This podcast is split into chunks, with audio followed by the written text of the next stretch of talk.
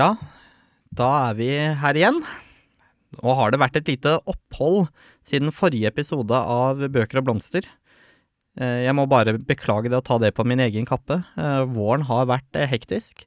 Men nå har sommeren vært her, og når det er sommer, da er det jo på tide å dra ut i verden og besøke gamle bokhandlere. Og en av de bokhandlene jeg har vært innom i sommer, det er Gaze the Word. Høres det kjent ut? Denne mm, bokhandelen har figurert på film. Ja, det er faktisk bokhandelen som figurerer i filmen Pride, som kom ut for noen år siden. En film om solidaritet mellom uh, skeive miljøer i, eh, i London, mellom aktivister der og fagforeningsfolk og streikende gruvearbeidere i Wales. Kjent og kjært landemerke i London eh, sin skeive scene, denne bokhandelen. Og når det går sånn i bokhandlere, eh, så kan du jo ende opp med å bruke penger som du ikke ellers ville ha brukt hvis du bare var på internett. Det er de bøkene som du snubler over, spesielt i hyllene med brukte bøker, som eh, virkelig kan lære deg nye perspektiver. Bøker som kom ut i små opplag, eh, distribuert til uavhengige og små bokhandlere, eh, og som kanskje så vidt er tilgjengelig via en eller annen uetisk bokhandlerkjede på internett som har eh, forbindelser til et eller annet antikvariat, men i praksis så er det i de små uavhengige bokhandlene hvor du finner noen av de skjulte skattene.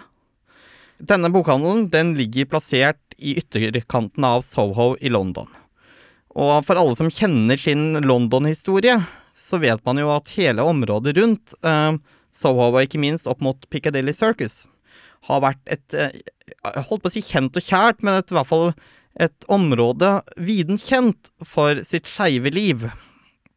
Et område hvor folk på kanten av samfunnet, og ofte på kanten av loven, eh, har følt eh, seg hjemme. Fra gamle dager, da snakker vi gamle dager, var Soho kjent for å være det distriktet, eller et av distriktene i London, benyttet eh, av sexarbeidere. Eh, Det var egne gater med bordeller, eh, og det var også områder kjent med vertshus, hoteller av forskjellig slag.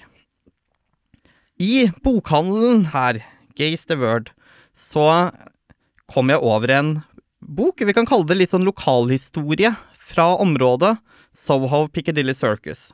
Og da høres jo dette kanskje litt sånn, hva skal jeg si, rart ut. Hvorfor skal jeg interessere meg for lokalhistorie fra London? Kanskje fordi jeg mangler den type litteratur, i hvert fall ikke som jeg har kommet over, fra Norge. Men det er i hvert fall boka Dead Dilly, skrevet av Jeremy Reed. Kommet for eh, et lite tiår siden, på et ikke veldig stort forlag. Underteksten til denne boken er A Secret History of Piccadilly Rent Boys. Og boken tar for seg mer enn 100 år med historie rundt et av Londons aller største kollektivknutepunkter, nemlig Piccadilly Circus. I og rundt eh, T-banestasjonen, i og rundt området på Piccadilly Circus, så eh, var det slik at eh, unge gutter og menn stilte seg opp på utkikk etter noen som ville ha et ligg. Det var kjent som området man gikk eh, hvis man var en såkalt eh, punter, altså en som kjøpte sex av gutter, eller unge menn. Og det var området du da kunne finne det som da ble omtalt som rent boys, altså unge mannlige sexarbeidere.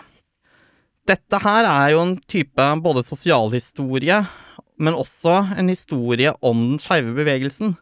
For gjennom de ulike fasene, gjennom de ulike tiårene, fra slutten av 1800-tallet helt til 70-, 80- og 90-tallet, eh, forteller da Jeremy Reed med utgangspunkt dels også i egne opplevelser av Soho og Piccadilly-miljøet, om hvordan dette miljøet og beskrivelsen av det går inn i nesten alle de større sosialpolitiske trendene som har eh, affektert i hvert fall den mannlige, da, eller mannlig kodede, skeive befolkningen. Dette er jo også et, eh, et miljø hvor transkvinner og, og, og, og drag queens også er en del av historien, men dette er jo primært eh, vært kjent som uh, yngre menn som har solgt sex til rikere, uh, gjerne litt eldre uh, menn. Historien her eh, strekker seg jo da over mer enn 100 år.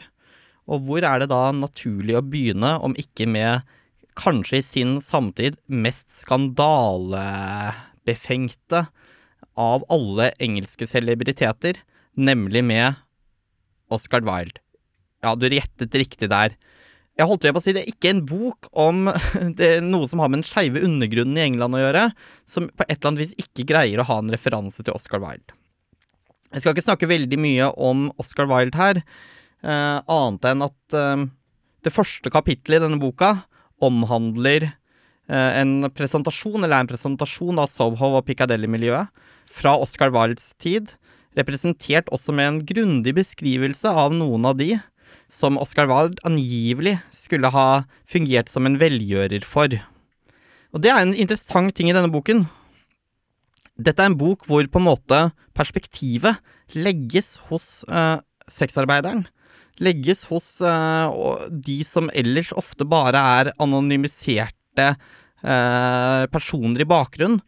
her er det heller celebritetene, ministerne, forfatterne, superstjernene, som blir biroller i fortellingen om de unge, noen ganger skeive, noen ganger faktisk ikke skeive, mannlige sexarbeiderne, som uh, hadde The Piccadilly Circus som sitt arbeidssted.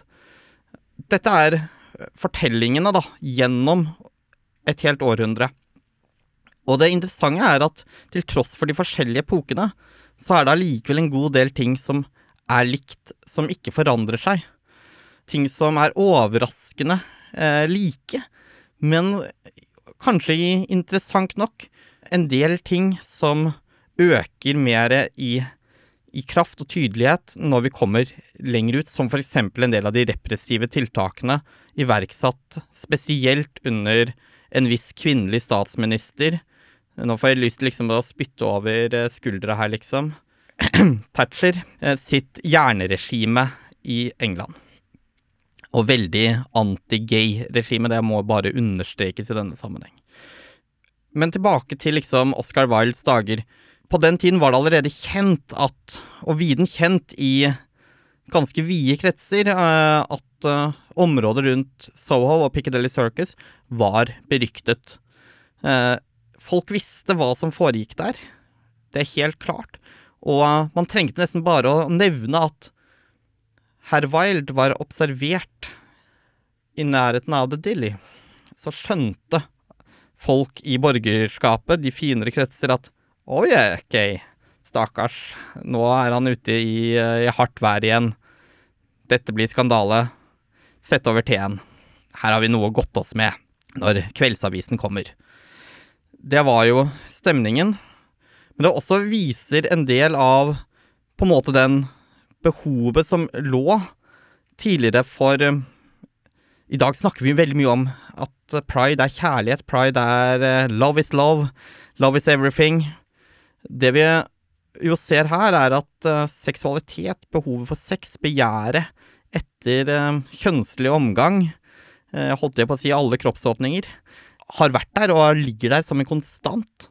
og når dette behovet ikke på annet vis kunne eh, møtes, så eh, gikk de som da ikke kunne leve i et, uh, et skeivt forhold, mye på grunn av det at de hadde eksempel også privilegerte, eller underprivilegerte, men gjerne de som hadde privilegerte posisjoner i samfunnet, og som hadde en sosial uh, rolle i samfunnet hvor de måtte ha en perfekt fasade. De som da hadde penger og ressurser, gikk da på The Dilly og plukket opp folk, og så tok de dem til gjerne kanskje egne dekkleiligheter, eh, hotellrom, eh, lignende, hvor de hadde da noen ganger også med samme person over lengre tid, og, ut, og det er beskrivelser i denne boken, fascinerende beskrivelser om hvordan enkelte folk fra den engelske over- og middelklassen bygger opp langvarige egentlig relasjoner som er på grensen til å utvikle seg til forhold og noen ganger faktisk også utvikler seg til et, et mer tilsynelatende da, gjensidig forhold.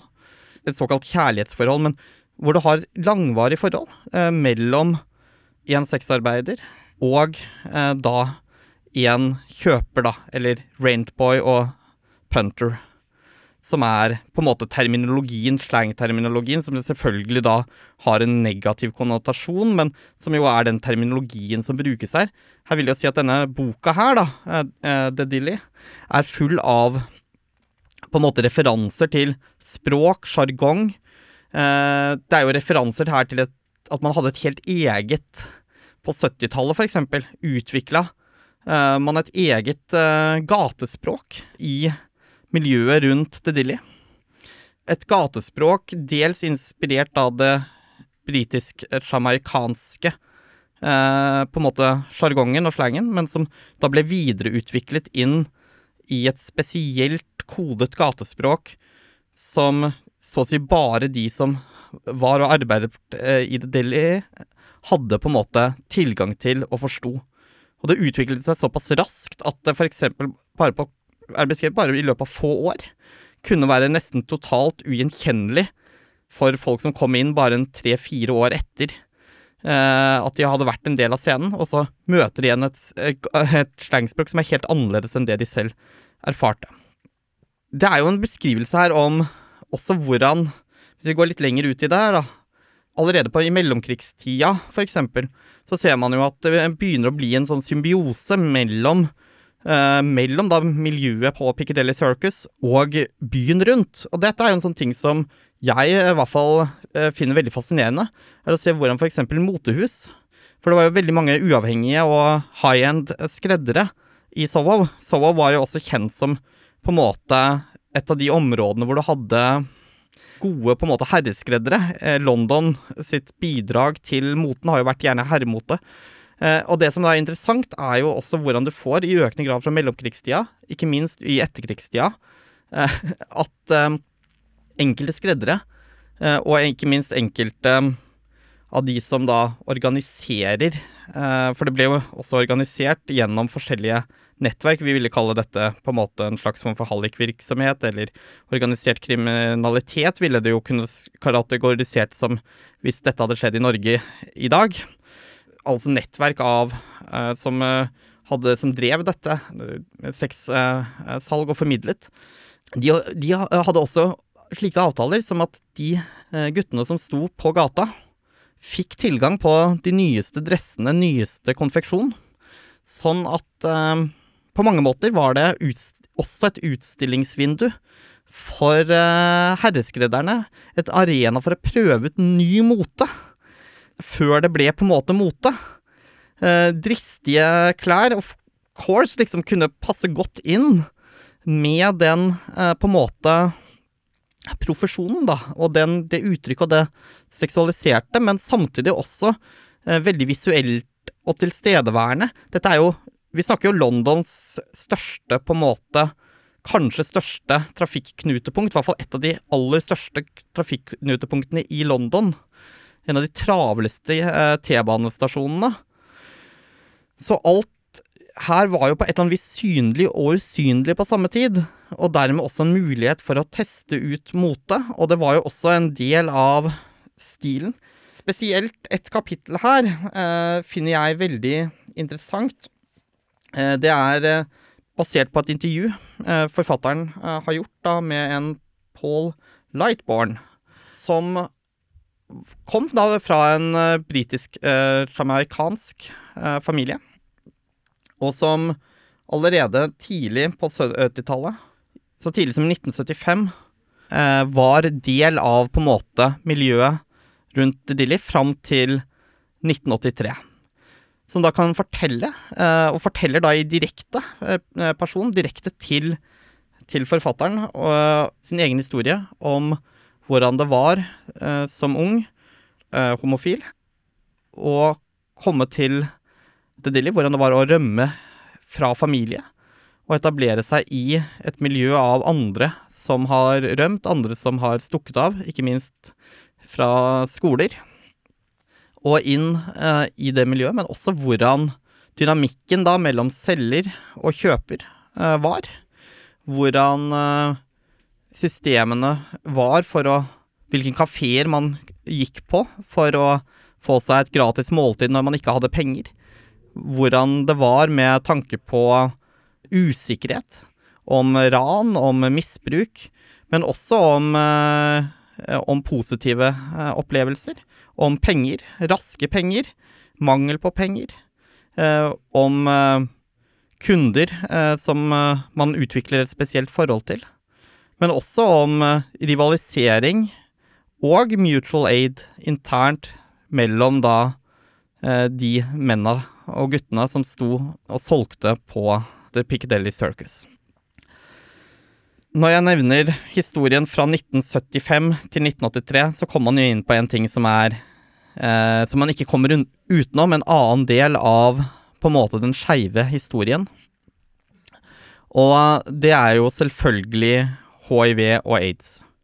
Og det kommer veldig tydelig fram i intervjuet eller samtalen eller kapittelet som er basert på Paul sin fortelling.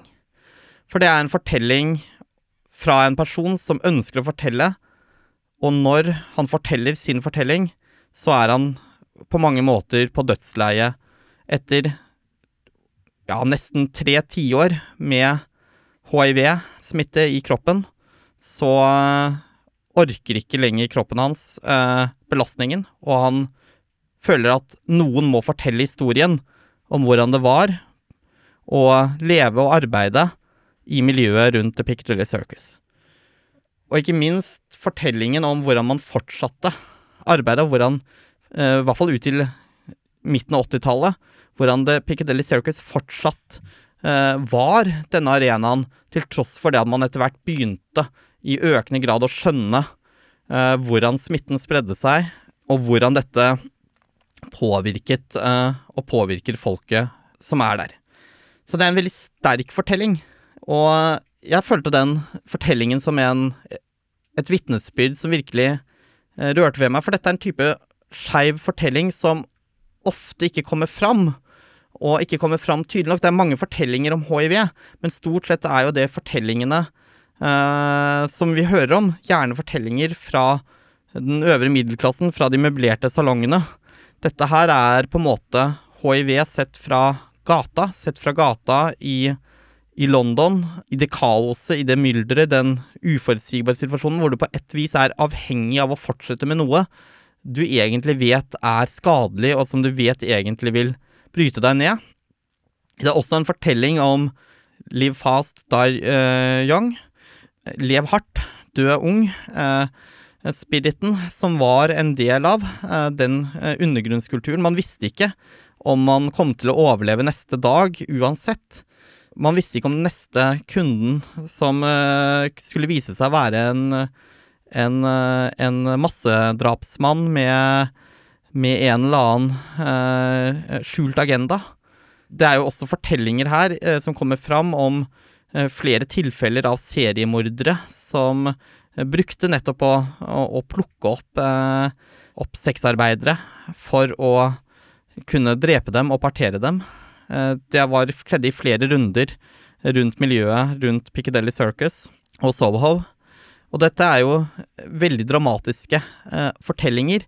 Det er jo også type fortellinger som ofte har blitt plukket opp av populærsjangre, men eh, for meg er det jo noe eget å lese dette direkte på en måte fra miljøet, og ikke minst skildringer fra personer som kjente på den usikkerheten, den frykten, i sitt hverdagsliv.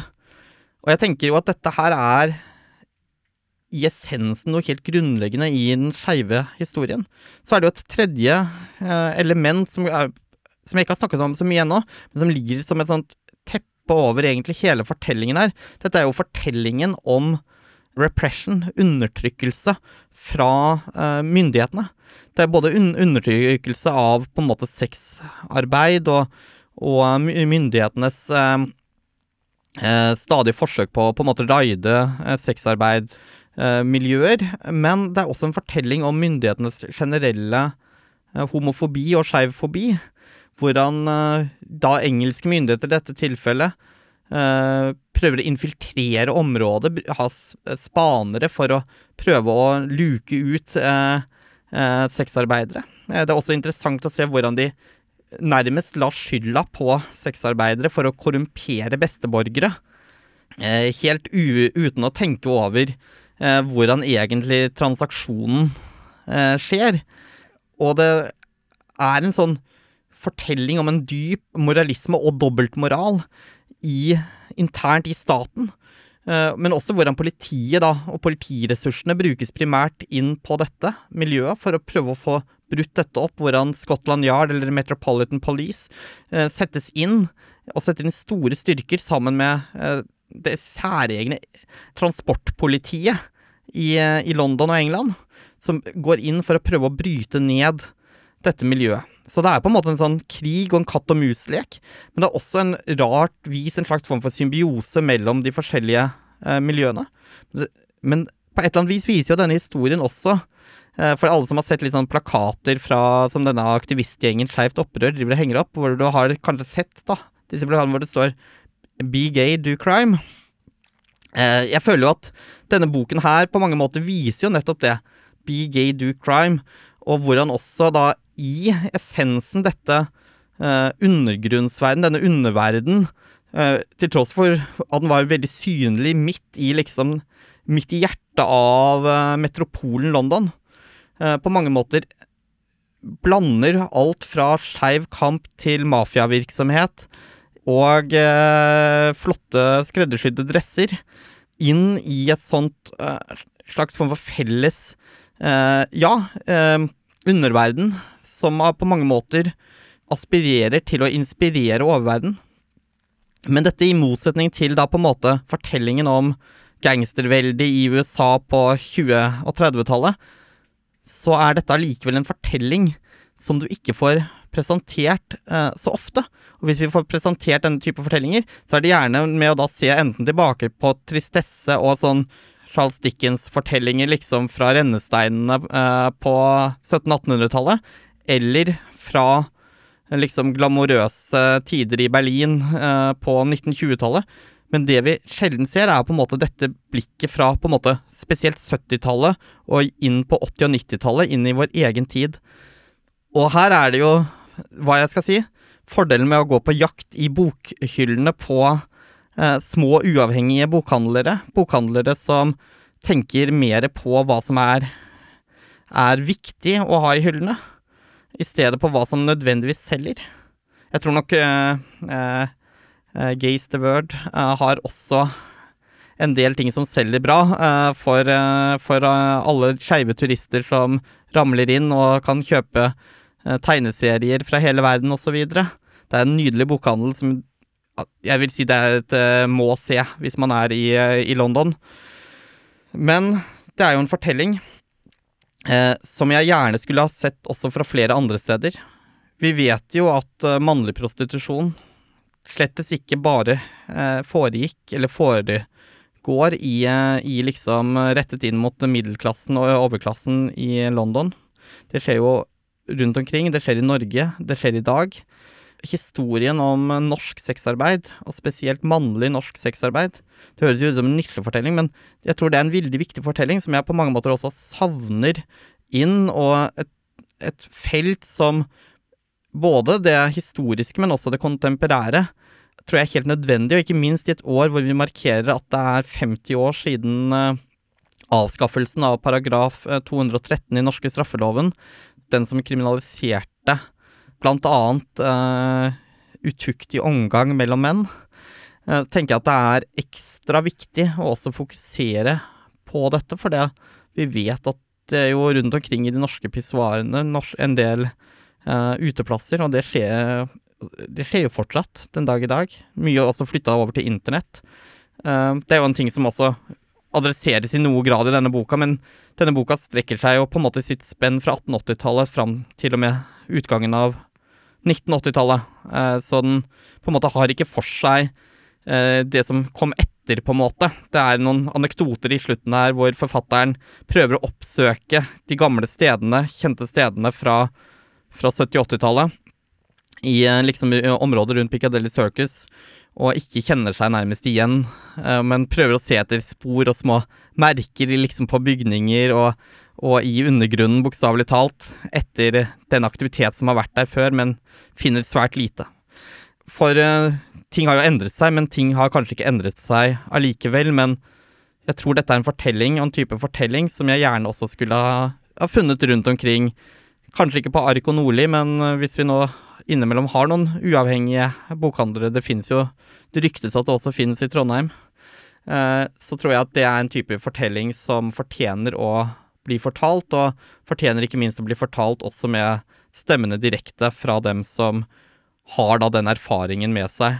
Og på mange måter, som jeg nevnte, dette her er jo en fortelling eh, i en kompaktutgave egentlig av, av den skeive fortellingen fra, fra London. Eh, vi kan si at dette er lokalhistorie fra Piccadilly Circus, men jeg føler at dette er en fortelling som også forteller veldig mye om bakgrunnen for den moderne skeive bevegelsen, og der vi er i dag. Så det er eh, mitt lille lesetips, hvis du greier å få tak i denne boken, da. Eh, The Dilly, A Secret History of Piccadilly Rent Boys av Jeremy Reed. Vil varmt anbefale den. Så vil jeg varmt anbefale å gå på jakt etter fortellinger som du kanskje ikke har eh, lest før. Fortellinger som vil utvide ditt perspektiv. Det tror jeg er essensen, i hvert fall for meg, når jeg besøker små aktivistiske bokhandlere prøve å se er det noe som er nytt, noe som kan tilføre noe nytt for meg. Og denne boka her har definitivt gjort det. Mitt navn, det er Kamerat E. Og jeg holdt det på å si, jeg lover, man skal aldri love for mye, men at det kommer til å komme flere episoder i Bøker og blomster nå utover høsten. Jeg har eh, avtalt innspilling allerede med Felix, som er min tekniske guru, eh, og eh, som redigerer og fikser alt det jeg ikke fikser med denne podkasten. Jeg gjør stort sett kun to ting. Lese bøker og prate i vei. Og det skal jeg prøve å sette av mer tid, sånn at du som nå har greid å lytte inn til mitt babbel, eh, kan få gode eh, anbefalinger om litteratur, og ikke minst også forhåpentligvis noen fine lytteropplevelser utover høsten. Høsten er som kjent boktid, og med trondheimsværet vi har nå, er det også lov å bruke sommerdagene til å sitte med en god bok eventuelt ta en tur til London uh, og stikke innom Gaze the Word. Det er min lille anbefaling. Eller Ivar Matlaus bokkafé på, på Svartlamoen.